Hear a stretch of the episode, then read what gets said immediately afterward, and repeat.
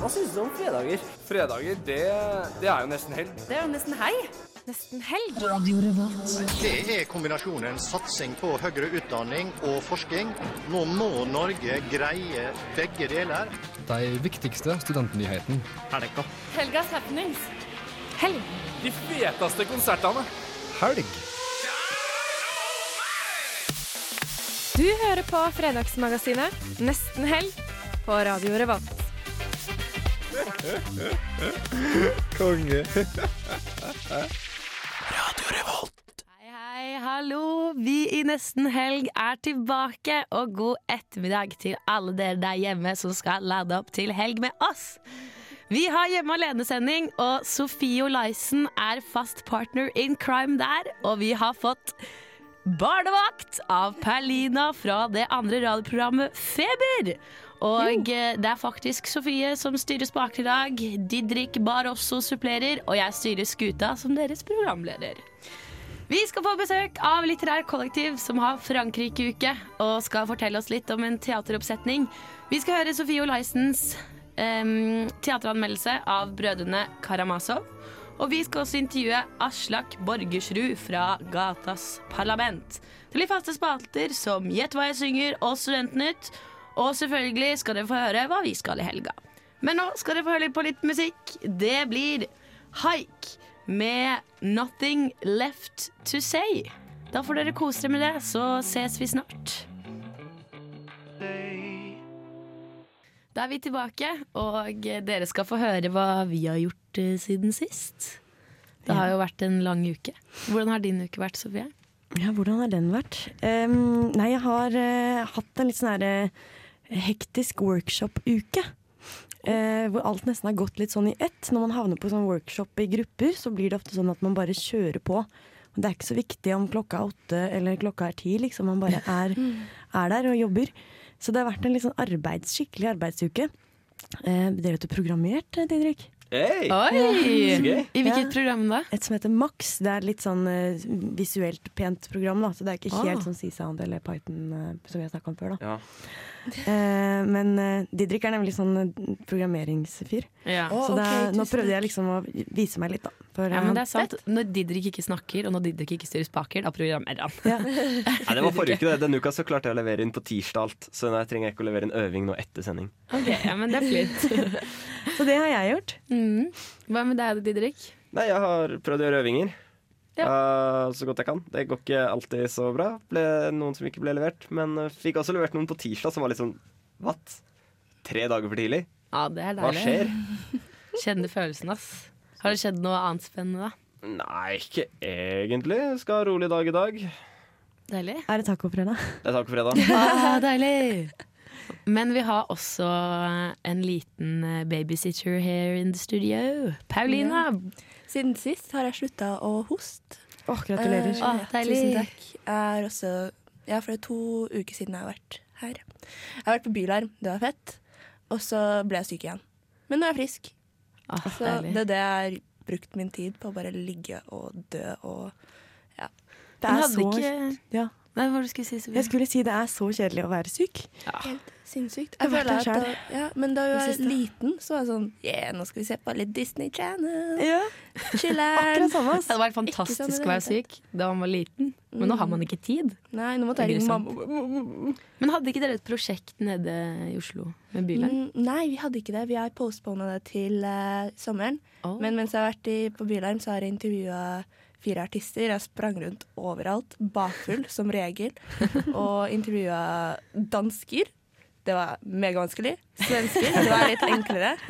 Og vanskeligst av alle var Store P, Oi. som uh, var så speisa, og han var drithyggelig, men han var helt borte. Han var ikke borte. Eh, jeg fikk bare svar som 'jeg vet ikke' og slikt, men det var veldig hyggelig. altså, det var veldig hyggelig, men jeg fikk ikke noe. Det høres ut som litt av en eh, opplevelse. Så ubrukelig. Hva er det du har gjort, Mari? Jeg har um, vært på det Rocky Horror Picture Show-oppsetningen til KU. Eller ja, det blir litt internt, da. Vi har et kulturutvalg på Studentsamfunnet som hvert år setter opp Rocky Horror Picture Show. Og det var like gøy i år som i fjor. Jeg skjønner ikke hvordan det er like gøy hver gang. Hva kledde du deg ut som? Jeg var på jobb, um, så jeg kunne ikke kle meg ut så mye. Men eh, det var trøst nok med alle de andre transvisittene i salen. Og, og så møtte jeg på Kari, som også er min nesten helg. Og hun hadde kledd seg ut så utfordrende, og det var så gøy. Så ja, det var topp. Uh, og utover det så har jeg vært på jobbintervju for sommerjobb. Um, det var spennende. Og så gjort litt skole og ja, vasket rommet for første gang på sånn to måneder. Så bra. ja. mm. Men eh, nå er vi snart klare for Studentnytt. Men før den tid så skal dere der hjemme få lov til å høre på litt musikk. Dere skal få låta 'Hjerte' av Broen.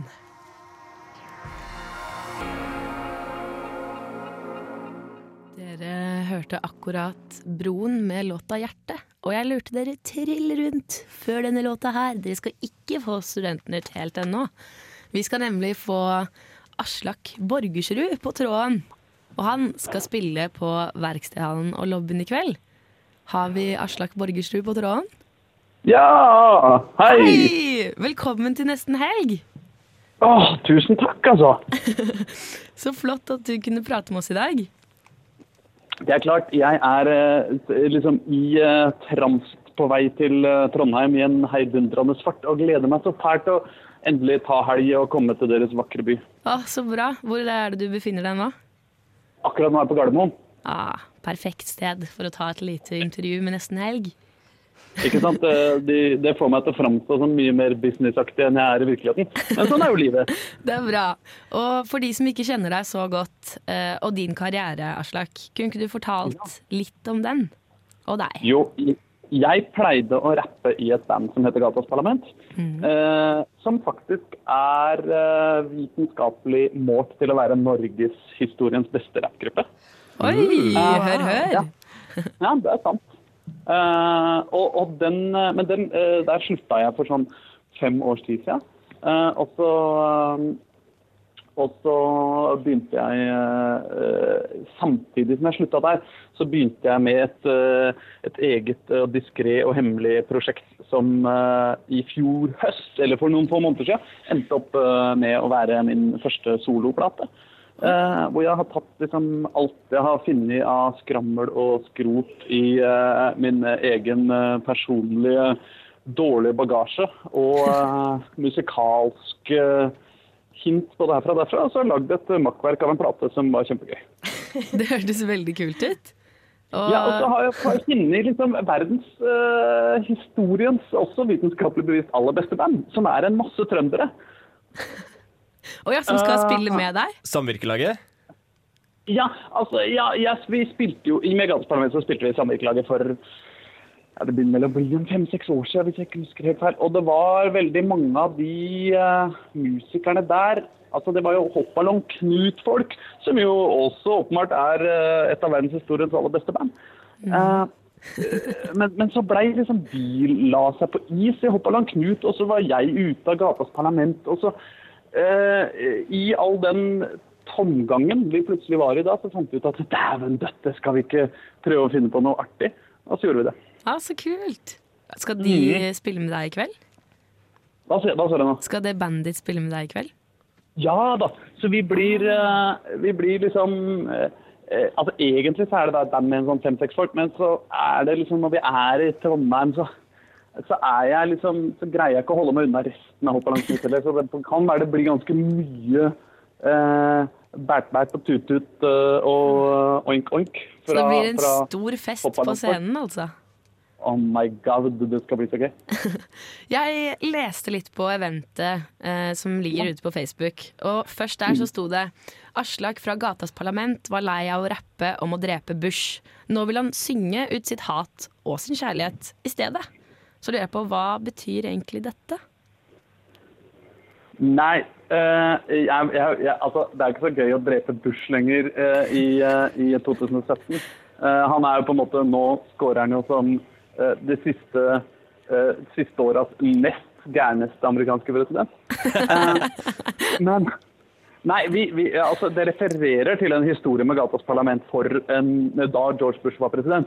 Hvor, hvor vi kom til å bli anmeldt av Secret Service for å ha uh, bedrevet drapstrusler mot den amerikanske presidenten. Eh, men det var bare fordi vi hadde uh, samla inn penger til en leiemorder for å ta livet av ham. Eh, så det syns vi var veldig uncalled for, at de skulle bli sure for det. Ja, det var dårlig gjort. Sykt gøy. Uh, Men, men, uh, men, men så, så det er en av, en av de tre-fire gangene vi har hatt mest alvorlig kontakt med ordens, nei, eller med liksom ordensmakta i forbindelse med gateparlamentet og, og samvirkelaget og sånn. Men det har jeg sluppet helt unna denne gangen her. Så er det du har lagt på hylla? Nei, altså vi har jo oppfordret en del ulovligheter på den uh, plata her også. Den liksom, uh, Hiten fra skiva er jo en, en hyllest til proforma-ekteskapet. Og å smugle folk inn i landet ved hjelp av falskt, uh, falsk kjærlighet. Um, men, men, men ingen har liksom gått helt bananas over det. Jeg tror kanskje de bare de, de synes, jeg, tror, jeg tror ikke de gidder å anmelde musikere som ikke rapper. Ikke. Å, veldig gøy. Men eh, dette høres jo veldig spennende ut. Eh, Hva er det som er dine planer fremover med dette her? Altså, nå, nå greier jeg ikke å tenke på noe annet enn at jeg skal spille konsert i dag. Jeg vil at liksom alle Skal ikke dere komme? Det blir kjempegøy! Eh, så det, jeg syns dere burde komme alle sammen, da. Så Ja, det... det- blir mest mulig moro på loven. Men etter det så har Det er litt sånn småplaner her og der, men det blir ikke den sånn helt store turneen. For det, det viser seg at eh, altså, En dag så våkna jeg opp om morgenen og så fant jeg ut at jeg hadde tre barn og fast jobb. Uh, og da ble det liksom det, det derre eh, 200 spilledager i året-opplegget ble liksom vanskeligere å dra rundt, altså. Ja. Uh, så, så, så jeg håper liksom å gjøre de største, byene og liksom småplukk her og der. Eh, men men den helt gigantiske turneen er jeg redd det ikke blir, altså. Men det høres jo bra ut likevel. Det er viktig med familie også. Det er jo det. Og så dessuten eh, så, så framstår jo da Eller så er jo da denne konserten eh, på, på lobbyen i kveld er jo sjukt eksklusiv, da! Ja, det er sant. Så eh, hvis du skal snakke direkte til Trondheimsstudenten nå, hvorfor skal Mm. denne personen ta turen til Verkstedet og lobbyen i kveld, og hva kan denne Trondheimsstudenten forvente seg? Altså, eh, Trondheimsstudenten bør eh, dra på lobbyen i kveld fordi at alle de andre eh, hotteste Trondheimsstudentene kommer til å være der og vil være interessert i å ligge med alle andre som kommer dit. Ja! eh, det er sånn bankers på, på alle konsertene mine, så er det veldig, veldig mange veldig pene mennesker som er interessert i å finne andre mennesker å ligge med. Det er det beste Eh, svaret jeg har fått noen gang på det spørsmålet. Ja, men. Ja, men det tror jeg blir veldig bra. Åh, da håper jeg at du får en eh, flott ankomst i Trondheim, og at det går bra på konserten i kveld. Tror du det kommer til å være folk på, på Værnes med sånn flagg og ønske meg velkommen og rope sånn som, sånn som skiløpere får når de kommer hjem fra VM? Åh, jeg håper for all del det. Ja, jeg håper det også. Men da sier jeg tusen takk til deg, Aslak, og masse lykke til i kveld. Og så skal vi dure av gårde med litt musikk fra Baya med It's Over Today. Tusen takk, og lykke til i kveld. Yes, eh, dere hørte akkurat Baya med It's Over Today. Og rett før det så hørte vi et intervju med Aslak Borgersen. Hva syns dere om det? Ja? Han var en kul fyr, ja. Ja. Han var ganske ok. Tenk at han bare på strak arm på Gardermoen tar telefonen og bare er, er med. Er en veldig artig og kul fyr. Det var helt enig. Han var så lættis! Og bare da han sa liksom at dere må komme hit fordi at folk kommer til å ha lyst til å ligge med hverandre. Det var så fantastisk svar. Sykt mye pene folk på konsertene mine. Alle har lyst til å ligge med hverandre. Jeg ble overbevist. Jeg ble sykt overbevist. Det var sånn, jeg fikk lyst til å dra på konserten bare pga. det. Så ja, for et deilig, deilig intervju. Um, Så det er en av de tingene som skjer nå i helga, da. Ja. Eh, er det. er det mer? Ja, ja, ja. I dag så er det egentlig ganske mye som skjer. Fordi først Eller jeg følger jo som regel mest på hiphop-scenen. Og det er veldig mye hiphop som skjer i byen i dag. Uh, Snowboys spiller på uh, Sukkerhuset gratis. Det er jo helt fantastisk. Ja, så det blir nok kø. Uh, men konserten er sikkert over før 23.59. Da man kan eh, springe til Knaus og se Kons spille. Ja. Og så kan man ta seg masse øl på Samfunnet, da. Ja. det blir det. Kons eh, spilte jo flere gigs på Bylarm, og det var kult. Vi skal jo etter hvert ha besøk av noen fra Litterært kollektiv. De har sett opp et, eller skal sette opp et skuespill som skal vises på eh, søndag. Mm. Også på Verkstedhallen, lobbyen. Samme sted som Aslak skal spille i kveld. Oi, det blir jo er- Verkstedhallen og lobbyen-festival. Ja. Ja. Så det er eh, nok av ting å finne på. Ja, men Det hørtes jo veldig bra ut. Og så tenker jeg på videre, da.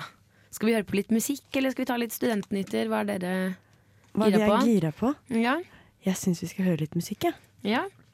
Men det skal vi kanskje vente en liten stund med? Eller hva tenker dere? Ja, vi, vi venter litt, vi. Ja, ok, Men hva, har, har dere planlagt å gå på noe av dette? Ja, hva skal du i Ja, i morgen så er det også veldig mye kult som skjer. I morgen så er det Marie Kommissær sammen med Kons på Oi. diskoteket. De skal en eh, kveld der. Og så er det Feilo-Daler på Knaus igjen. Yes. 23.59. Det er jo Hva, hva er feil og daler? Feilo-Daler det er um, duoprosjekt. Kjartan Gullfossen og Munir Remyr. De er mm, fra Trondheim, men jeg vel bor i Oslo nå. Mhm. Hiphop. Veldig kult. Veldig Så kjent. gøy! Det er masse å ta av for uh, Trondheim-studenten. Og Marie Kommissar, det er vel Marie Denise. Tidligere kjent som. Er det det? Ja. Så gøy, men da har vi både teaterstykker, vi har konserter, og vi har DJ-gigs, og det er mye å ta av. Ja. Mm. så det burde være nok å gjøre for dere der hjemme. Da tenker jeg det er på tide å høre litt musikk. Hva skal vi høre? Vi skal høre på en låt som heter Song 2 av eh, bandet Blur. Så den skal dere få lov til å kose dere med nå. Hei sann, dette er Kristoffer Schau, og du hører på Nesten helg. Eller Neste helg, som Erna Solberg sier. Ja, hør på Nesten helg, som Kristoffer Schau sier. Og vi er tilbake! Og vi er ikke bare tilbake med oss selv, vi har også fått eh, gjester her i studio. Det har vi. Velkommen til Andrine og Hanna fra Litterært kollektiv!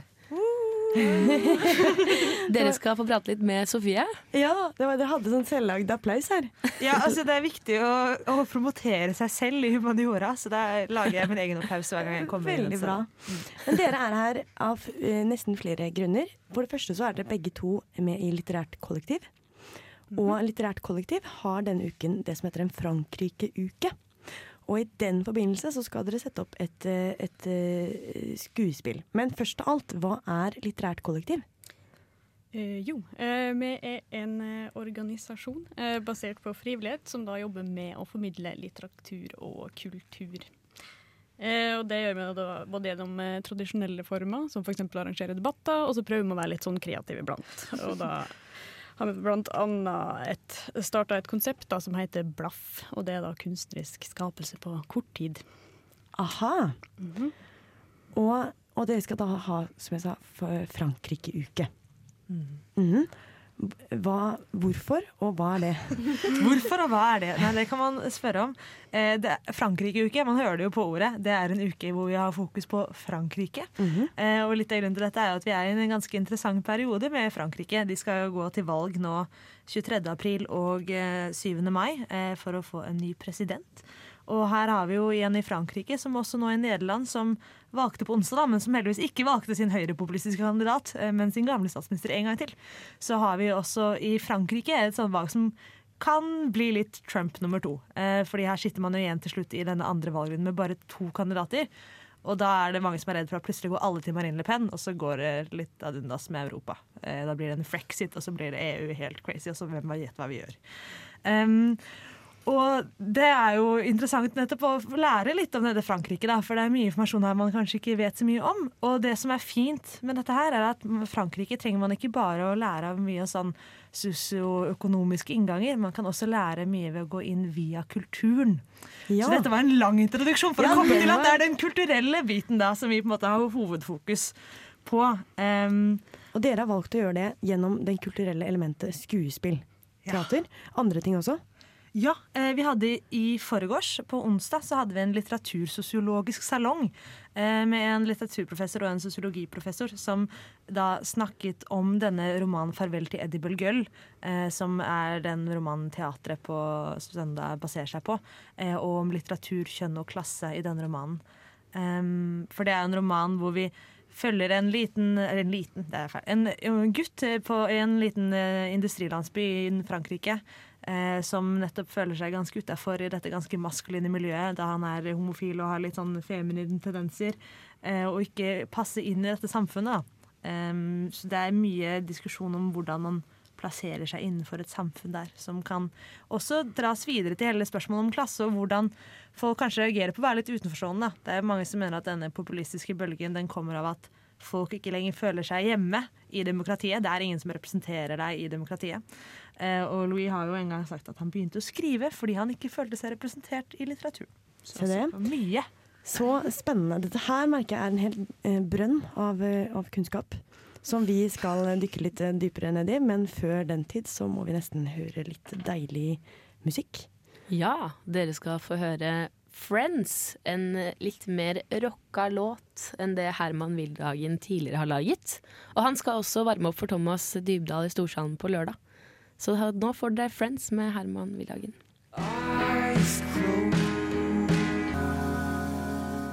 Ja, dette var låta 'Friends' med Herman Wildhagen. Og vi er tilbake med enda mer av litterært kollektiv. Eller hva, Sofie? Det er vi.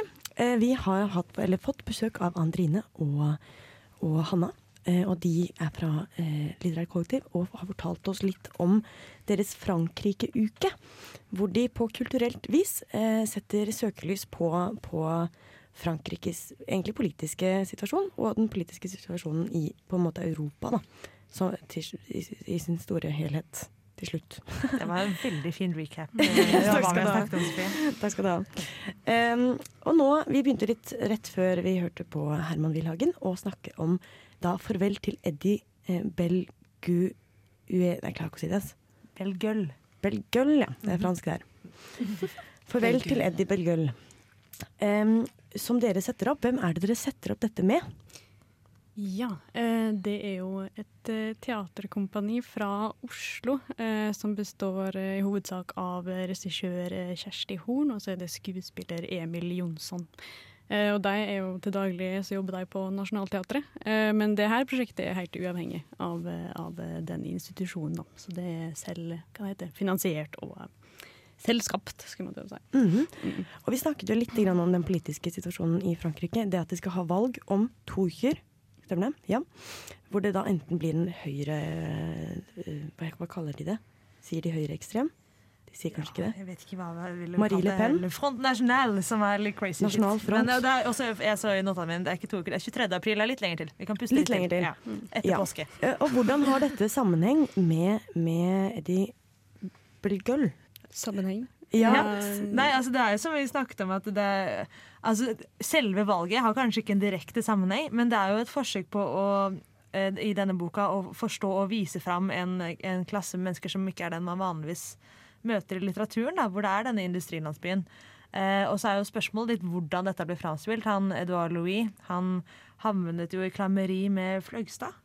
Eh, som uh, mente at han framstiller arbeiderklassen nettopp på en sånn måte som vi intellektuelle på en måte at Vi forsterker den troen vi har da, på at alle arbeiderklassefolka er dumme og teite. og uh, eller dumme og teite, men og høyrepopulistiske og på en måte rasistiske og alt mulig. Og han, det er vel også blitt sagt at det, og i denne lille landsbyen som beskrives i boka, så stemmer 50% på, på Le Front National, altså på Marine Le Pen sitt parti. Eh, så det er jo et innblikk i en del av eh, Rett og slett velgermassen til eh, den eventuelle velgermassen til Marie Le Pen. Mm. Ja. På et vis. ja. Og dette settes opp når? Det er på søndag 19. mars klokka sju. Åpner dørene. Ja. Hvor? Og så klokka seks er det også en førsnakk, hvis man vil da nettopp lære litt mer om faktisk de sosiale, struktu sosiale, sosiale strukturene i Frankrike på forhånd. Så kan man komme klokka seks og så være enda mer forberedt til å skjønne det kulturelle innholdet klokka sju. Ja, Mm. det var jo en veldig lur. Ja. På Verkstallen. På verkstallen. ja, det er viktig. Begge deler. Både den litterære praten mm. Og eh, hvorfor mener dere at Trondheim studenter skal ta turen for å se på dette her skuespillet, som settes opp for så vidt bare én dag? Det er kanskje viktig å påpeke. Det er Mhm. bare nå på søndag Mm. det settes opp. Det er nå eller aldri. Mm, ja, det er jo en unik mulighet da, til å se et stykke. Er det viktig å Eh, engasjere seg i fransk politikk? Det er kanskje viktig å engasjere seg litt i det samfunnet rundt oss. Da. Det har jo noe med det å gjøre. Og Mm. prøve å forstå litt hva det er vi er en del av. Vi er jo ikke, I Norge er kanskje litt utkanten, men vi er ikke så utkanten. Så det er greit å liksom prøve å, å holde øynene rettet litt mot resten av, resten av verden også. Og det var nettopp en del eh, Edvard Louis kritiserte eh, med det norske samfunnet. At vi har en tro på den myten om at eh, det ikke fins eh, klasser i Norge. Noe som han mener at det gjør, da. Fordi mm. noen vasker toalettene hans på hotellrommet. Ikke sant. Eh, OK, så dette er den nærmeste eh, arrangementet som skjer. Kan dere gi en Altså sett at man ikke rekker dette arrangementet nå på denne teaterforestillingen på søndag. Har du noe annet som dere på en måte fort på tampen kan, eh, kan tipse om? Fra litterært kollektiv? Uh, ja, det er flere ting som skjer framover. Det første som skjer, det er at vi skal ha en Storyslam-workshop, hvor man kan drive og komme med litt korttekst og jobbe med å framføre den sammen med Mathias Samuelsen, som er forfatter, og Lina Hundrum, som er uh, skuespiller. Um, og så etterpå framføre dette på publikum eh, på Antikvariatet. Det blir veldig veldig kult. Det er liksom poesisleim bare med korttekster istedenfor. Eh, påmeldingsfrist blir 7. april, og så er det workshop 22. april, og så er det framføring 26. Så det er det første som skjer etter dette teatret.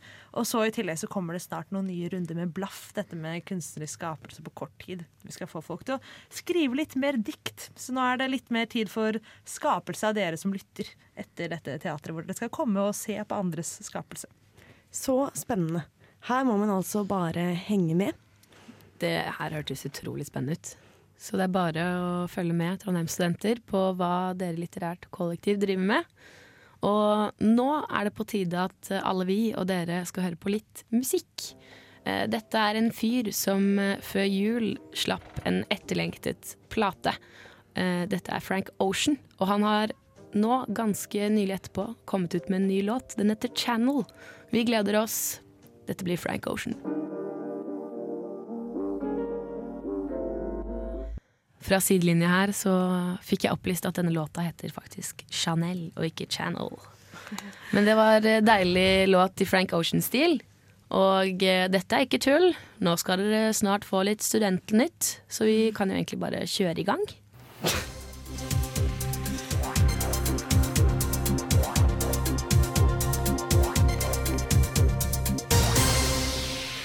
Kvikkleire stanser utbygging av NTNU bak samfunnet. Eller som jeg kommer til å ta det på resten nå, for jeg gidder ikke å prøve meg engang på dialekt. Det Jeg digga at du gjorde det. det. Var ganske nice. Ja, men Ja, det er var nice. alltid morsomt å starte med det. Eh, som eh, den opplyste student kanskje har fått med seg, har eh, NTNUs rektor eh, Gunnar Bovim foreslått å flytte Senter for kunst, arkitektur og musikk til tomta som heter Fengselstomta bak Samfunnet. Det som han ikke har fått med seg, som mm, en god del opplyste studenter sikkert har fått med seg, er at den tomta er bygd på kvikkleire. Der kan du ikke bygge så mye. Han bygger veldig lett. Det de In your nå- face. Ja, basically in your face. Så det det ligger an til nå, er at det blir en uh, park. Kanskje. Bak på fengselstomta. På Kvikkleire. Ja, det går. Det Det, går, Okay. Da dør man ikke helt. Men uh, det som har, samfunnet har jo et ønske om å bygge ut der. Uh, samfunnet har jo lenge hatt Nybyggskomiteen. Den er infamøs for å aldri gjøre noe. Uh, men poenget er at den tomta er så ustabil, og det har, finnes ikke i dag teknologi for å faktisk kunne bygge stabilt på den. Uh, så hvis man skulle bygd noe der, så ville man antakeligvis dyttet husene som står på nedsiden ned i Nidelva. Oi! Oi! Det er ikke helt bra. Ja, for det er vel noe jeg har hørt om når eh, Nidaros uh, synker ned i elva. Det er liksom en sånn der dommedagsprofeti. Når Nidarosdomen synker ned. Så kanskje hvis vi begynner å synke ned på den siden her, hvis vi bygger dette nye bygget, så begynner det å synke fra den siden, og så begynner det å synke fra den andre. Det er samfunnets går- store, onde plan. Nidarosdomen skal ned! Det er bare plass til ett stort bygg her i Trondheim. Det er bare samfunnet. Å, det er så gøy! Vi dumper alt som tar stor plass. Men NTNU, altså dette, den planen deres om å samle kunst og arkitektur og musikk, Ja. den har jeg hatt eh, litt med å gjøre, for jeg, jeg er musikkteknologistudent. Og også eh, har jeg vært musikkvitenskap, og det har liksom vært et ønske å kunne samle alle disse, og de som går utøvende musikk, på én skole, og vi har snakka om det i mange år! Og nå må jeg si at jeg ble ganske skuffa når jeg skjønner at de ikke har tenkt lenger enn dette. Nei. Mm. At Jeg de bare det. har kommet til liksom kvikksandområdet, ja. så Sofie, hvis man skal få gjøre noe, så må man gjøre det sjøl. Er det sånn? Så du syns jeg skal bygge mitt eget institutt? Jeg foreslår at du gjør det sjøl. Hvis du skal få noe gjort, må du gjøre det sjøl. Ja. Men det her er jo bare ett av mange prosjekter som kommer inn under campussamlokaliseringen, da, som det er et ønske fra, fra styret å få gjennomført. Sitt styre. Så det er jo mange andre alternativer. Det er jo snakk om Høyskoleparken også. Mm. Mellom eh, Gløshaugen og, og Elgsetergata. Mm. Så det er mange områder til som eh, man kan få slått sammen eh, kultur og, okay. og det er ikke musikk. Alt er ikke lost.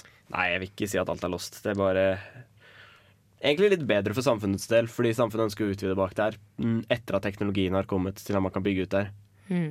Men Kvikklæreteknologien. Ja. Ja, men det, det venter vi på. Teknologien som skal bekjempe kvikkleire. Yes. Så vi får vente og se at det skjer. Men vi Eh, kan jo kanskje plante trær, da. Fordi trærne tar jo opp en del av vannet. Jeg vet i hvert fall at I. Nord-Korea så sliter de en del med sånn leireskred. Så det Røde Kors gjør primært i Nord-Korea, er å plante trær. det er det de driver med, liksom. Kanskje vi ikke skulle ha en park, men en skog, da? Ja, Vi lager en liten skog som kan hindre Nidarosdomen en til å liten skog bak samfunnet, for jeg kan ikke skjønne hvordan det skal gå dårlig. Oi, oi, oi. Nei, det, det tenkte litt på voldtektsstatistikken også, ja. Det kan vi ditche. Men hva om vi tar den kvikkleiren ut av fengselstomta? Vi graver Den er relativt ja, dypt ned, da. Relativt dypt ned, Hvor dypt ned kan det være? Antageligvis ned til Nidaros eh, Nei, til, eh, til eh, Nidelvas eh, dy, um, ha, bunn. Elvebunn. Ja. Så da er det sikkert en 25-30 meter ned. Men vår uh, nyhets-anchorman uh, Didrik Barroso, do you have any more news for us? Skal vi høre litt musikk først? Kan vi skulle høre en låt, ja. det? Ja, det var det jeg lurte på. Fordi hvis vi skal takle mer news nå, så må vi høre på litt musikk. Er det så jævlig? Nei, kjedelig med nei, det er ikke kjedelig. Det er så spennende at uh, ja, jeg, jeg, med detter av stolen. låt. Så jeg må drikke litt vann og slappe av litt, jeg. I, Oi. uh, Divaen Mari som må bare ta seg en slurk vann først. Skal bare I selv, jeg skal få selskap av eh, en artist som heter Svalestup. Og denne mannen synger på nordlending, og du får låta 'Alt du treng'.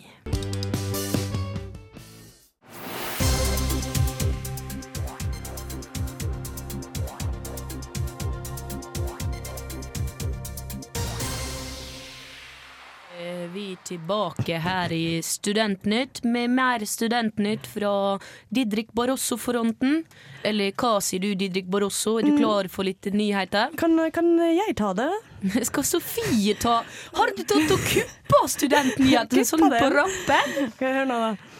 Programfestet krav om skolepenger fra internasjonale studenter. Nei, ikke Du Det er som Hva same. Nei, det var helt ræva. krise. Du kan synge, men du kan ikke dialekte. Ok, nå tar jeg det. Programfestet krav om skolepenger fra internasjonale studenter er nyheten. Altså, eh, under helgens landsmøte så vedtok eh, Høyre krav om skolepenger fra studenter som ikke kommer fra Sveits eller EØS-landene. Hvorfor Sveits? Ja, fordi jeg, Sveits er jo alltid med. Er vi bestevenner? Ja, men Sveits lurer seg Altså, jo. Sveits er jo en del av Europa, så De lurer får seg alltid jo være med. med uten å Ja, selv om de ikke trenger det, så er de med, liksom. Ja. Eh, så så det, det er altså nyheten. Altså, de Så- har lyst til å ta skolepenger. Ta betalt, liksom. Så blir mindre latinamerikanere på kontinentet. Det kan du si. Eh, Ja, i hvert fall i Norge, da. Ja, i Norge. For det, Endelig. dette, Vi tar kontroll på kontinentet! Ah, ok. Ja, vi tar kontroll Denne nyheten spant litt ut av kontroll, følte jeg nå. Føleren. Det var litt mye energi på sidelinjen her. Jeg skulle si at eh, jo, for Sverige har innført dette. eh, og da fikk de 79% frafall fra internasjonale studenter. Altså mye færre internasjonale studenter. De gidder ikke å komme hvis de må bo i verdens dyreste land og betale penger for å studere. Ja, det er klart. Og da sier Høyre at eh, ja ja, men så klart det blir jo mye bedre folk som kommer og vil studere, hvis det er de som har penger. Det var Oi, litt egen ouch. tolkning der. Det var egen tolkning. Tolkes som man vil. Ok, Sofie med en litt sånn der krass kommentar på Ja, ok, men Jeg kan si akkurat hva de sier, for det er nesten det. Det er viktig at man tiltrekker seg de beste studentene fordi det er høy kvalitet på utdanningen, ikke fordi det er gratis. Og det er jo akkurat det vi gjør i dag. da Vi tiltrekker de beste elevene, fordi vi kan faktisk se på karakterene deres istedenfor å se på lommeboka. Ja, For nå er det 1200 studenter som konkurrerer om 30 plasser. Det er på petroleum, var det ikke det? Det var petroleum. Ja. Ja, det skulle jeg kanskje sagt. 1200? Ja. Det er veldig mange, da. som Fra, fra resten av verden? Ja. internasjonale studenter. Hello. Og nå blir det liksom sannsynligvis en del færre søkere, og de alle kommer til å ha masse penger. Hallo, Hvorfor er det 1200 mennesker som har lyst til å komme hit? Det overrasker meg. Det er for petroleum er det ingen som kommer inn på. Altså, er det ingen som gidder å søke på. Jeg tror de hadde åtte stykker eller noe som ble tatt opp på 30 studieplasser på Siving-linja nå i år.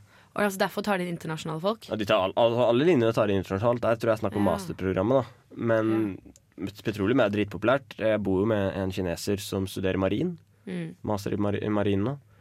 Det er jo ganske populært egentlig å studere på NTNU, og i Norge fordi det er gratis. Mm. Mm. Så jeg Men, eh, tror ikke mange hadde dratt til Norge hvis det ikke hadde vært gratis. Da hadde de heller dratt på Harvard, MIT, hvor det, som faktisk er prestisjeuniversiteter. Ja, for da, da, når du først skal betale, så vil du jo betale for noe som du vet at du Ja. For, ja, fordi NTNU er ikke ranket så høyt internasjonalt. Det er ikke det, Jo, det... er høyere enn oss, visstnok. Ja, NTNU ligger ganske lavt nede på internasjonal ranking. Så da på en måte forsvinner jo en del av egentlig studentene. For de som har penger, vil jo ikke komme hit engang. Men vi har samfunnet, da. Så Ja. det er hyggelig Ja. å bo her. Samfunnet er kjempefint. Og, så får du ikke, og der får du ikke lov til å være med engang, for du skal bare være her et halvt år. Ja, det er utvekslingsstudenter, det, da. Det er jo Ja. forskjell fra stud- utvekslingsstudenter og De som blir her folk som starter på masterprogram. Ja. Jeg har en kompis fra Argentina som eh, er ferdig med masteren sin i Norge nå snart, og har bodd der da i nesten to år. Og jeg vet jo ikke hvor mye penger han har, da, men eh, jeg antar at det hadde vært litt tøffere hvis det hadde kostet masse. Så ja.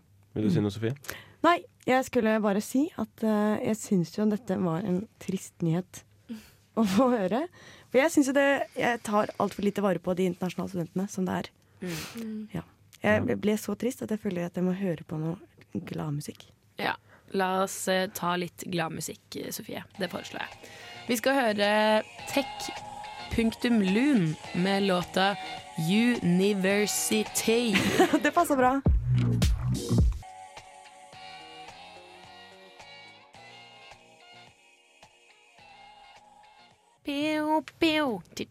Det var en funky, deilig låt. Ja, det var akkurat det som skulle til for å få meg litt glad igjen etter denne triste høyrenyheten. Og det gikk ja, rett inn i party-party-fun-fun-timen. Åh, det var helt perfekt! Party, party, fun, perfekt fun. start på party, party, fun. Skulle nesten tro vi hadde planlagt det selv. Vi har planlagt det, helt klart. Alt er etter planen. Nei, det var helt nydelig. Åh, jeg ble fylt med denne musikken fra tech.lun med University.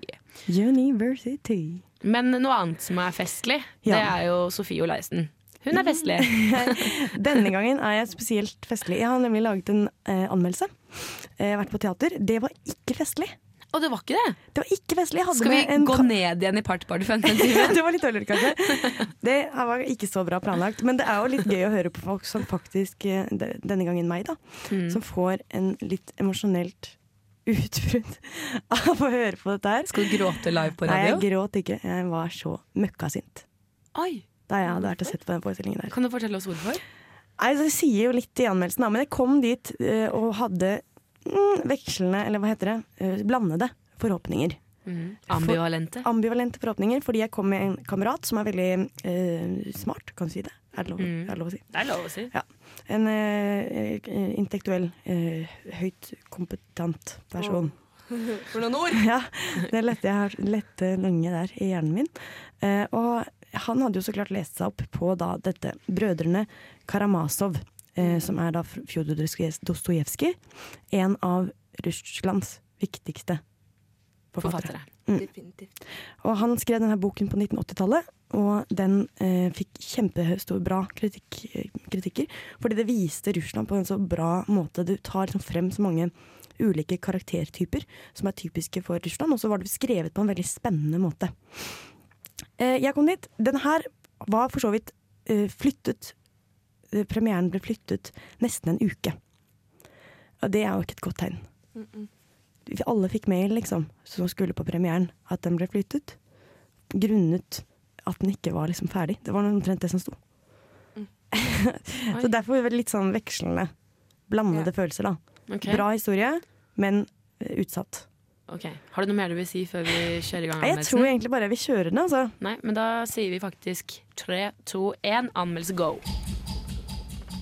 Brødrene Karamazov er originalt en bok skrevet av Fjodor Dostojevskij i 1880.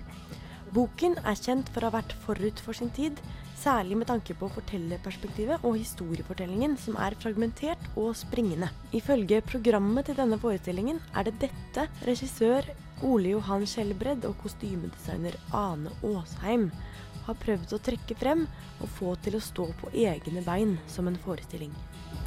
Ja, ja, ja, ja. Der, ja.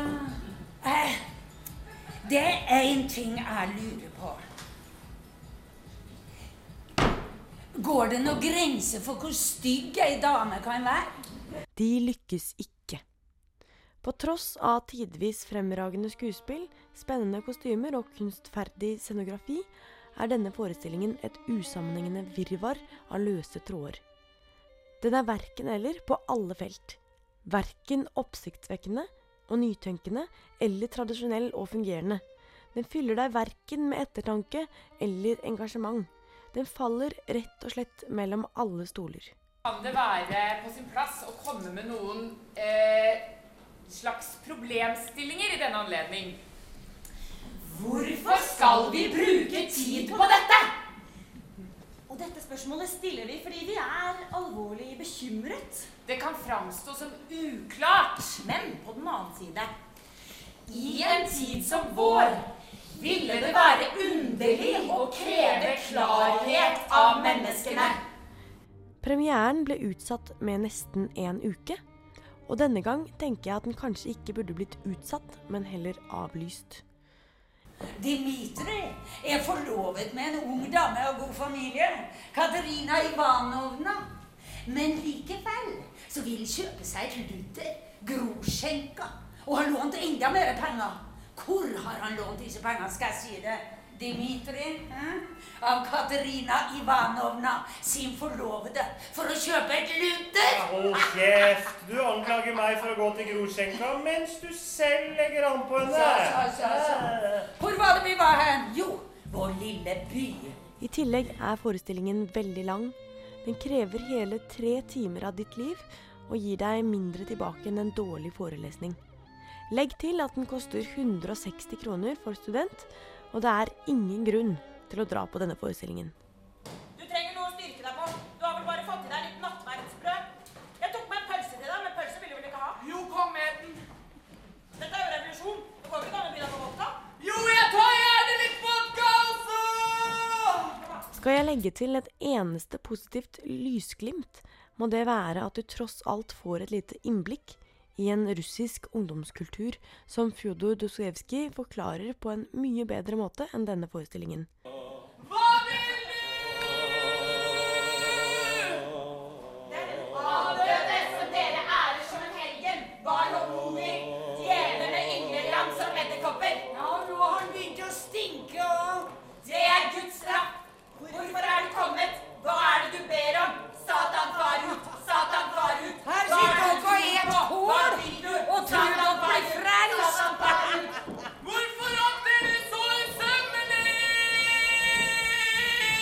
Og er du en uhyre skuespillerinteressert person som kan gå på en forestilling bare for å få løsrevne skuespillerprestasjoner, og ikke for å se en hel sammenheng, er dette kanskje noe for deg.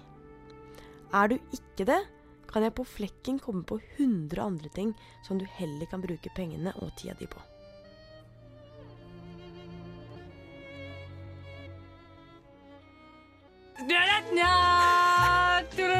Kan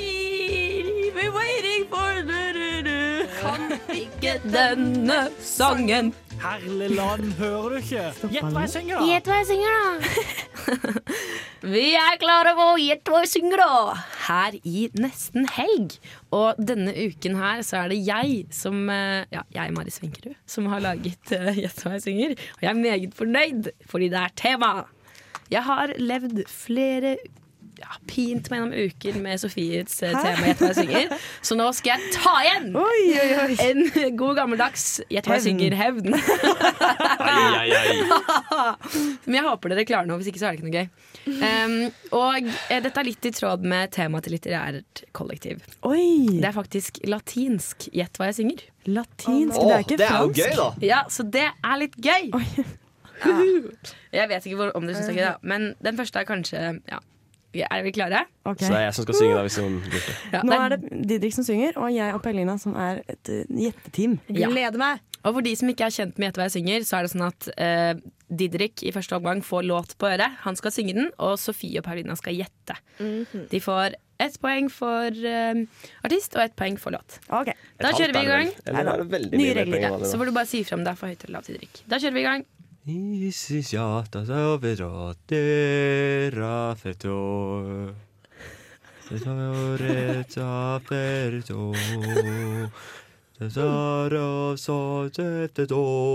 Veldig fint.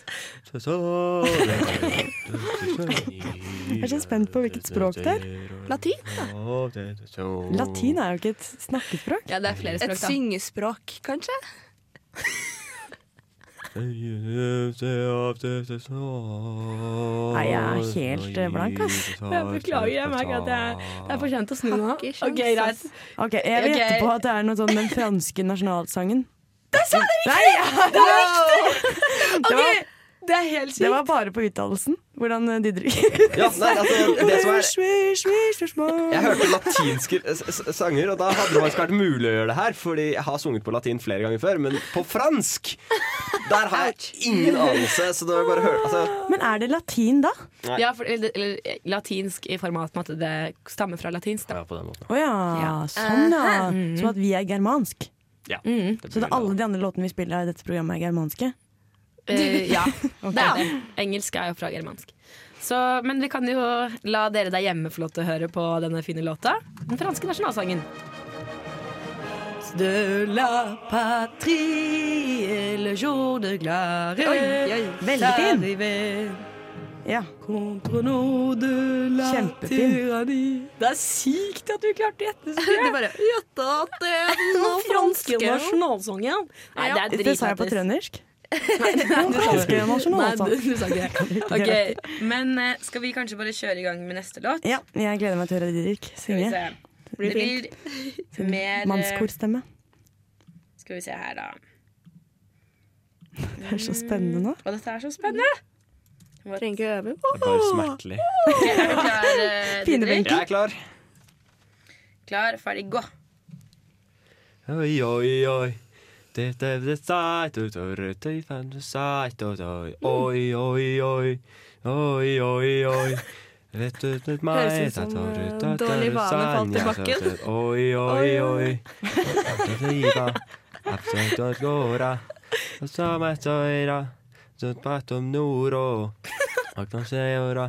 Så det er ikke dårlig vane. Er dette sant? Ok, skal vi Hør da!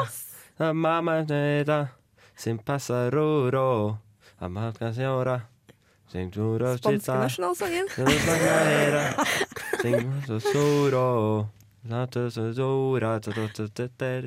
Nei, det her går jo ikke. Hva er det? Men uh, Klarer ikke å uttale ett av eh, ordene i den hastigheten der, men, men eh, Har du hørt den før? Ja, mange ganger. Ok, Fordi det har blitt spilt mye på fest i Norge. Mye på fest i Norge, Mye på enda mer på fest i Spania, Mm. uh, hvor familien min kommer fra. Men jeg tror faktisk den er uh, romansk. Er det oh! de, de, Dinosea Dintei? Det er ikke de? Nei. det er Ikke Radio er klar. ok, det var kanskje feil uttalelse der. Har, har du en idé, Feline? Altså, det var ikke dårlig vane, og det var ikke den svenske nasjonalsangen. Skal jeg synge den? Skal jeg synge den på spansk? Ja. La mano arriba, singura sola Danza coduro. Ja! Å, det var godt til var. Jeg ante ikke hva det var for. Ok, Kan høre? dere artisten? Dere må jo få oh, ja. Danza coloro.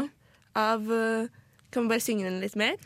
Man arriba, ingula Singura sola. sola, da la vuelta, dansa coduro, y la gancia hora. Kan vi høre litt på den, eller? Ja, vi kan høre på den. Har ikke sjans. Der, ja. Å ja, da nå er den litt kjent. Ja. Det er med trekkspillsangen, ja. ja, det er sånn du kjenner den. Den ene liksom, latinosangen med, Med trekkspill. trekkspill. Jeg skjønner at den er romansk, egentlig, da. Romensk. Nei, jeg har ikke peiling, ass. sola. Ja, dere får Los fall eh, eh, hermanos eh, spanjoles. Det er i hvert fall Don Omar som har den låta. Men dere har i hvert fall ett poeng Eller får man, man får to poeng per Nei, eh, man får vel egentlig ett poeng. Får man halvt poeng for låt og et halvt poeng for artist? Ja. Ja, men jeg, Ja. du har lagd nye regler, Skal vi Ja, går for de nye reglene. litt regler Nei, dere har ett poeng for den franske nasjonalsangen, for da vet jeg ikke artist, liksom. Så det, får- det får dere full pott på. Og her får dere et halvt, da. Men vi må klart. kanskje dure videre på vår ferd. Dur i vei. Skal vi se. Da er det snart klart for det her. Å, dette blir så gøy! Jeg tror jeg har det kanskje morsomst under den. Ok, for nå har vi dekket Spania, sier det blir gøy, så Frankrike. det og ikke bra. Er dere Frankrike. klare? Én, to, tre. Der, da. Ah.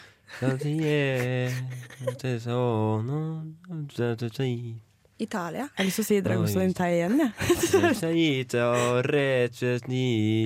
Blaza, blaza, noma, noma, eh. Noma, noma, eh. Noma, noma, noma, eh. Tisura, Oi, nå hoppa jeg. Nå kommer det. Blaza, blaza, noma, noma, eh. noma, noma, ikke. Hæ? Du må slutte å synge, vi hører på deg. Okay. Jeg glemte å stoppe Didrik. Sorry. Det er hyggelig å si ifra, Mari.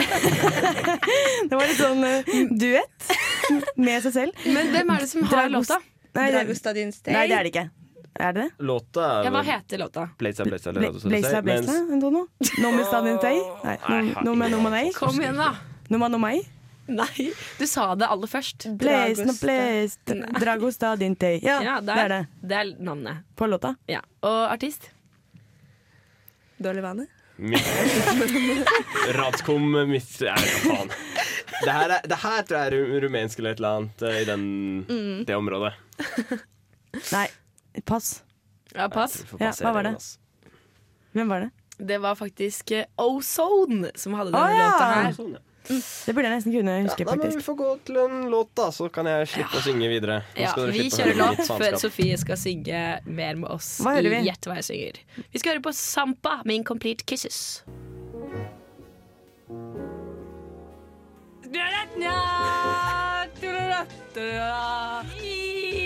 We're waiting for. Kan ikke denne sangen. Herlig land, hører du ikke? Gjett hva jeg synger, da! Ja, Herleland hører du ikke. Gjett hva jeg synger, da. Nå er det faktisk eh, Didrik og Paulina som skal gjette hva Sofie synger, så vi gønner på med første låt. Er du klar, Sofie? Jeg er så klar som egg. OK. Get your latino on, girl. Oh, nei. Hint.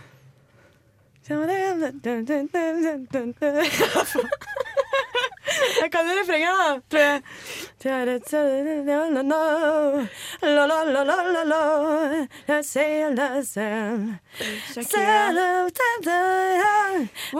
Whenever, wherever av Shakira. Er det riktig, Mari? Det er riktig. Bare at hun synger den på engelsk, da. Det var, Ja. Jeg var helt inni det. Hva sa dere? Sabes que estoy a tus pies, mi vida. Quiero Nice. vivir la vida. Sa vi alt? Klarte vi å gjette alt, dere? Ja, det var helt riktig. Shakira, men kan dere den spanske tittelen? Hva heter Mi vida? Dovas. Covas? Hvor og Whenever, whenever. Hvordan uttaler Whenever, whenever er den uh, engelske tittelen. Whenever. Jeg er ikke flink nok i spansk. Men det var greit. Dere kan få for den, da. Hva Den heter eh, suerte på spansk. Ok, Suerte. Hit på neste, da. Suerte. Jeg er sykt klar. Hun er sykt klar. Skal vi se. Vi kjører i gang. Det er sånn dagens dialekt, det der. OK. Tre, to, én. Å ja. OK. Den her, vet du. Det er, det er jo veldig lang tro- intro her, da. Ta-tam, ta-tam, ta-tam, ta-tam Jol, janam, ja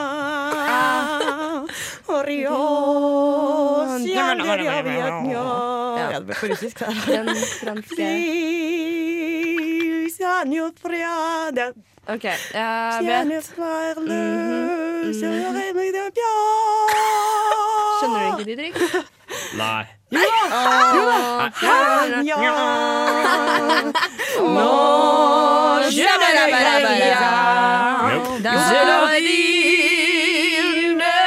la oss eh, høre på den. Det er virkelig ingen Har du ikke anelse. peiling?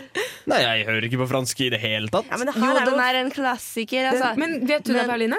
Ja, nei, men den var med i Madagaskar 3. Okay. Den tror jeg ikke jeg har sett. Det hjalp jo ikke så var mye, da. Istid 14.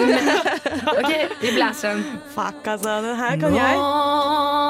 je ne regrette. Det er rien. Nei, Nei. heter det noe sånt? Hun har et veldig artig navn. Det er nesten Det rimer på blaff. Klaff. Mm, begynner, begynner på samme bokstav som deg.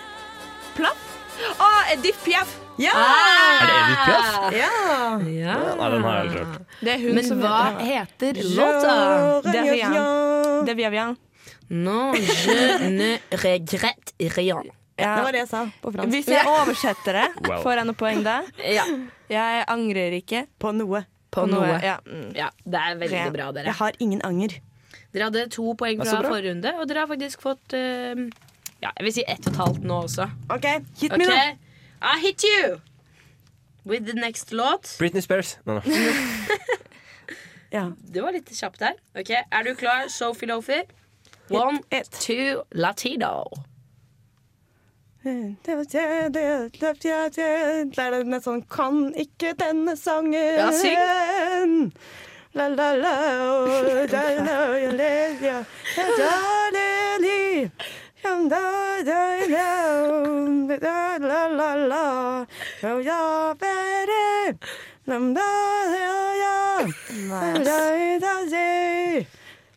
la, la, la. Ja, veldig fine rytmer her, da.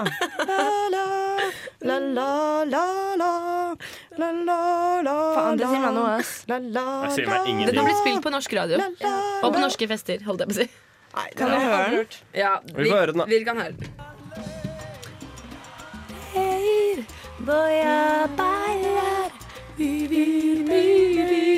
Leve, leve.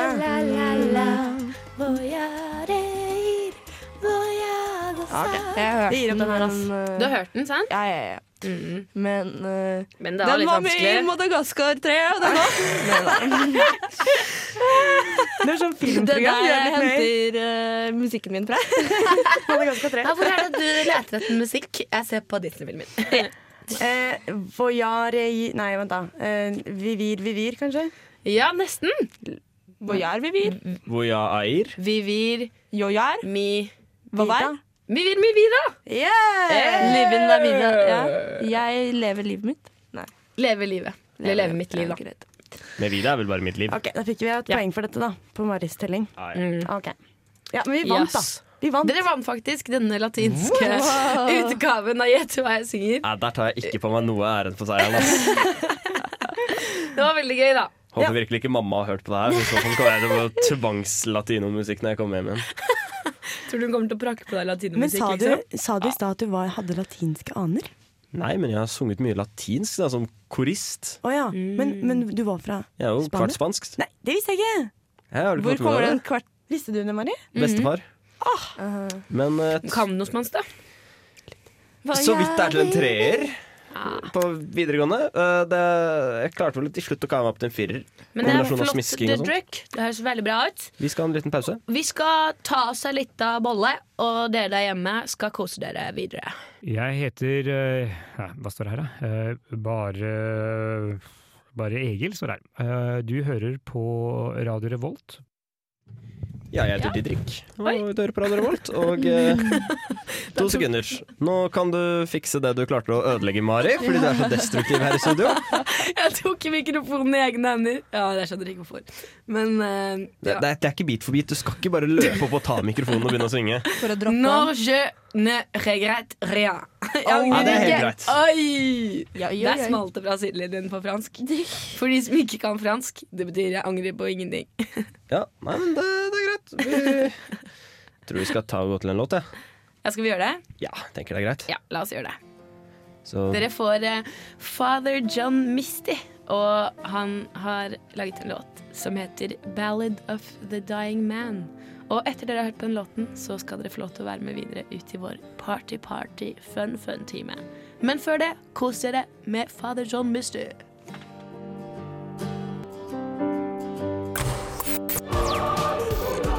Nesten helg.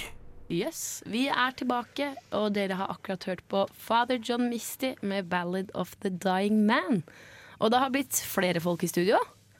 Vi har eh, fått besøk av uh, samfunnslederen og uh, temaansvarlig i styret ved Studentsamfunnet i Trondheim. Hei, hei. Velkommen hei, til dere! Takk for at vi kunne komme. Ja, tusen takk for at dere kom. Og som de fleste er kjent med, så arrangerer dere jevnlig lørdags... eh, nei, Samfunnsmøte. Samfunnsmøte på lørdager, mener jeg å si. Og onsdagsdebatter. Og eh, dere skal fortelle oss litt om lørdagens, som er eh, kunstig intelligens. Ja, eh, sånn at eh, vi har jo møtet vårt i morgen om kunstig intelligens, hvor vi har invitert eh, Dere har vel sikkert hørt om NTNU AI-lab, yep. som åpnet eh, 8. mars. De har vi invitert til å komme og snakke om på en måte hva AI har å si for arbeidsmarkedet i Norge. Og da har vi også invitert en fyr som heter Morten Goodwin. Han starta også et sånt forskningsprosjekt, men da i Agder. Eh, det var vel 2. mars nå i år, så nå Det har begynt å bli en sånn trend da, som vi har sett, om at eh, folk er interessert i kunstig intelligens, og da må vi selvfølgelig snakke om det på lørdagen. Kult. Ja, det får jo virkelig større og større plass her Ja. i landet. Ja, nei, AI har jo utviklet seg veldig mye de siste årene. Google har jo lansert en AI-plattform. eh, Altså, Siri er jo en form for kunstig intelligensplattform. Eh, Google har nettopp lansert Google Assistant. Amazon har Alexa. eh, veldig mye morsomt man kan finne på med dem. Det er det, og særlig når den teknologien her Det går jo så utrolig fort, så man veit jo ikke helt hvor er det man skal sette en stopp for det her? For da begynner det å gå Det begynner jo å gå utover type arbeidsplasser, og da begynner det å bli litt viktig å snakke om når er det vi skal sette en grense for den teknologien her. Mm. Og Men- folk har jo ja, Vil du si noe, Gabriel? Ja, Man kan jo også spørre er det galt at det går utover arbeidsplasser. da? Eh, Mm. for da får man jo egentlig mer fritid, og det er ikke noe sånn at eh, man får mindre verdiskapning selv om det er maskiner som gjør det. Ja, det Så, er, eh, så går man liksom i en retning der eh, der man egentlig får mer fritid pga. AI. Det er, Mm. det er, Ja, det er jo mange som har snakket om at det kan åpne opp for borgerlønn, blant annet. Og også så har det vært litt debattert i det siste om eh, roboter eller maskiner skal betale skatt. På lik linje med Ja, det syns jeg var litt morsomt, men når man tenker litt over det, så gir det jo egentlig mening. Gjør jo det. gjør det egentlig det? Ja, Det får vi diskutere i morgen på samfunnsmøtet. Ja, Jeg vet ikke logistikken bak det, men eh, jeg, skjønner jo, jeg skjønner jo konseptet. eh, Ja. Men det er jo uansett mye billigere arbeidskraft fra før av, som egentlig ikke trenger skattlegging heller. Ja, det er et godt poeng. Fordelen med skattlegging er jo da det, det vil jo egentlig bare være en ut... Eller skattlegging av roboter vil jo bare være en utvidelse av forretningsskatt eller bedriftsskatt, egentlig, da. Ikke sant? Mm, det er sant. Så da kan man jo heller bare ha skatt på å eie dem. Mm. Da har du basically allerede skattlagt dem ved å bare ha formuesskatt på roboter. Ja. For bedrifter. Det er mange måter å skattlegge ting på, Ja, rett og det er slett. fascinerende, altså. Skatt har mange navn, holdt jeg på å si. Men er det noen temaer som innen AI som dere kommer til å dra, ta opp på samfunnsmøtet i morgen? Det meste kommer til å være hva slags eh, fordeler det har for arbeidsmarkedet i dag. Da. Sånn særlig det eh, CAIR i Agder jobber med, er da innenfor helsevesenet. På en måte diagnosemiddel for på en måte å assistere leger. Eh, de kunne vel gå gjennom jeg tror det var rundt 200 dokumenter med sykdomshistorie på kanskje et par sekunder. Og det ødelegger jo mye av jobben til legen, på en måte, men det er jo et vanvittig verktøy. Så har vi også dette med Man har jo etter hvert droner som kan ta avgjørelser selv på eh, liksom, eh, hvilke personer som skal drepes. Oh. Um, og den teknologien fins vel allerede, gjør den ikke det? Ville? Mm, det gjør det. Eh, og det blir på en måte vanskelig å, å programmere inn den moralen vi vil ha i sånne type programmer. Eh, si man har en Tesla da, som skal kjøre ned, og så må Teslaen velge om skal jeg kjøre over enten én person eller fem personer. Hvordan skal man programmere inn noe sånt? Det blir jo Ja, men hvem er det som har lyst på det? Nei, det er nettopp det. Ja, det er hvis man, eh, hvis man ikke har noe valg, da, hvis det er en bil oh, ja, som kjører sånn, i ja. i 100 km i timen, og så spretter det en baby foran. Liksom. Å ja, Og så har du enten valget om å kjøre babyen eller de fem personene som står på fotgjengerfeltet. Nettopp. Du må Oi. på en måte ta tak i den type moraliteten da, som vi har innebygd. Det må jo vi programmere og ta hensyn til. Å, det er utrolig spennende. og kjempeskummelt. Det er veldig På samme tid. Men det er jo litt sånn altså Akkurat dette her spørsmålet her, vil man kunne kaste tilbake igjen til menneskene? Altså Absolutt, man kan jo det. Eh, det er jo veldig vanskelig. Ja, det er mye dårlig moral ute og går blant mennesker også. ja, og, og om, du, om du velger selv om du kjører på en baby eller fem mennesker, det er jo mye tilfeldigheter, da. Så jeg vet ikke om de Ja, det er kanskje bare det at vi har kontroll over det som gjør at det er ekkelt. Ja. Kanskje det, og kanskje det at det er en beslutning som er vanskelig. Men for en datamaskin så vil det være en beslutning som er programmert og kald. Det er kanskje litt eklere. Det er veldig Jeg syns det er litt eklere. Skumle greier. Er det noe annet eh, dere har lyst til å dele med oss som kommer til å bli debattert i morgen? I morgen så tror jeg det er um, Nei, det er eh, Det blir mye forskjellig. Sånn som eh, det er Vilde her som har eh, som har gjort det meste av jobben og hentet inn innlederne, men det er jeg som skal sitte i sofaen og intervjue disse personene. Og det gjør vi litt på grunn av jeg kanskje er litt likere publikum i salen, da. Ja. Så kanskje jeg kan stille de spørsmålene som kanskje salen lurer mer på. Mens eh, jeg får jo alle spørsmålene mine av Vilde. Eh, som, så jeg kan virke veldig smart, samtidig som jeg da egentlig ikke Som jeg tror det blir en fin balanse mellom liksom både publikum og kunnskapen. Altså det, det blir morsomt, men det er Vilde her som har styrt med det meste. Da sitter vi på den store hemmeligheten. Men deilig. Men kort oppsummert, um, hva mer er det studentene kan forvente seg å få med seg eh, som er regissert av dere resten av semesteret? Nei, har, øh, det er mye forskjellig. Nå er det, mm, nå er det jo Isfits ISFIT presidentvalg om under en uke. Det blir jo utrolig spennende. Og hva liksom den ja, største internasjonale studentfestivalen i verden omtrent skal uh, stå for de neste to årene, er jo kjempespennende. Det blir, uh, det blir avgjort ganske snart. Videre så har vi samfunnsmøte om multikulturalisme. Som uh, Ja, den blir jo mer og mer het eh, etter hvert som tiden går. Og, så det, er- det er viktig å ta opp. Og så, du, eh, så blir det et møte om GMO. Stemmer det? Så det Ja. Nei, det er organismer. Ja. Ja, Det hørtes veldig spennende ut. Da er det bare å ta fatt dette flotte programmet til styret ved Studentersamfunnet i Trondheim.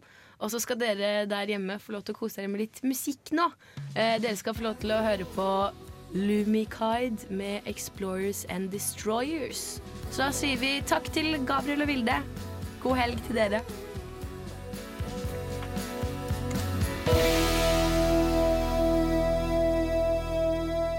Du hører på Radio Revolt, studentradioen i Trondheim.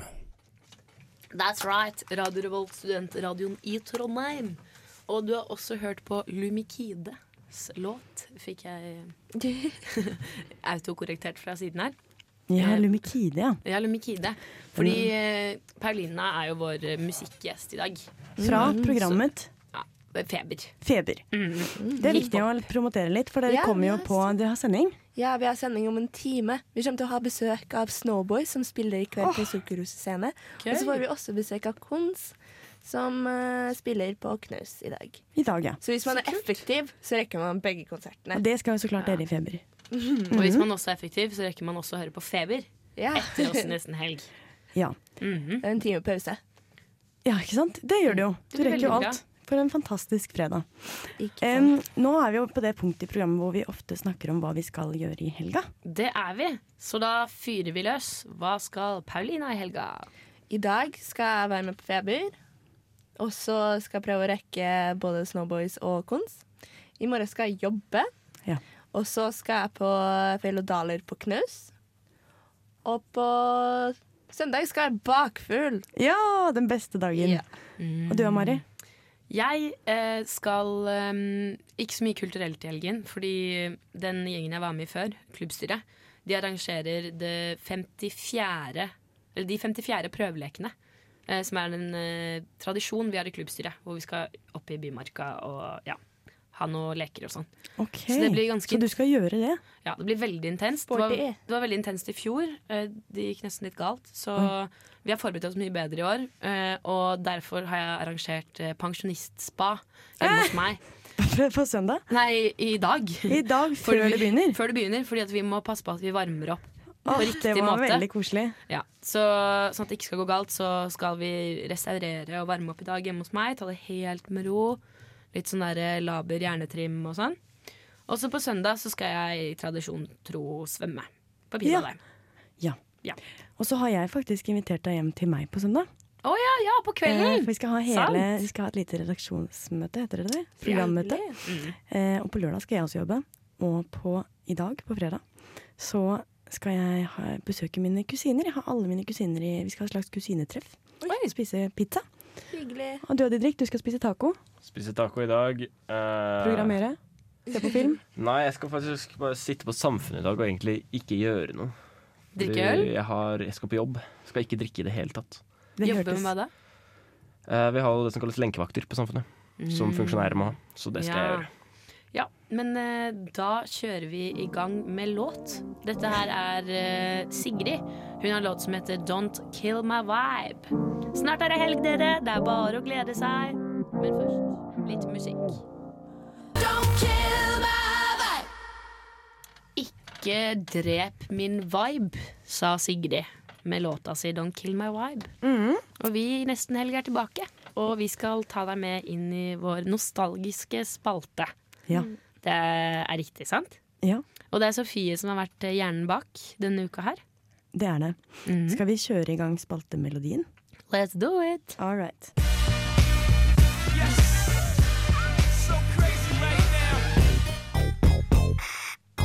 May I have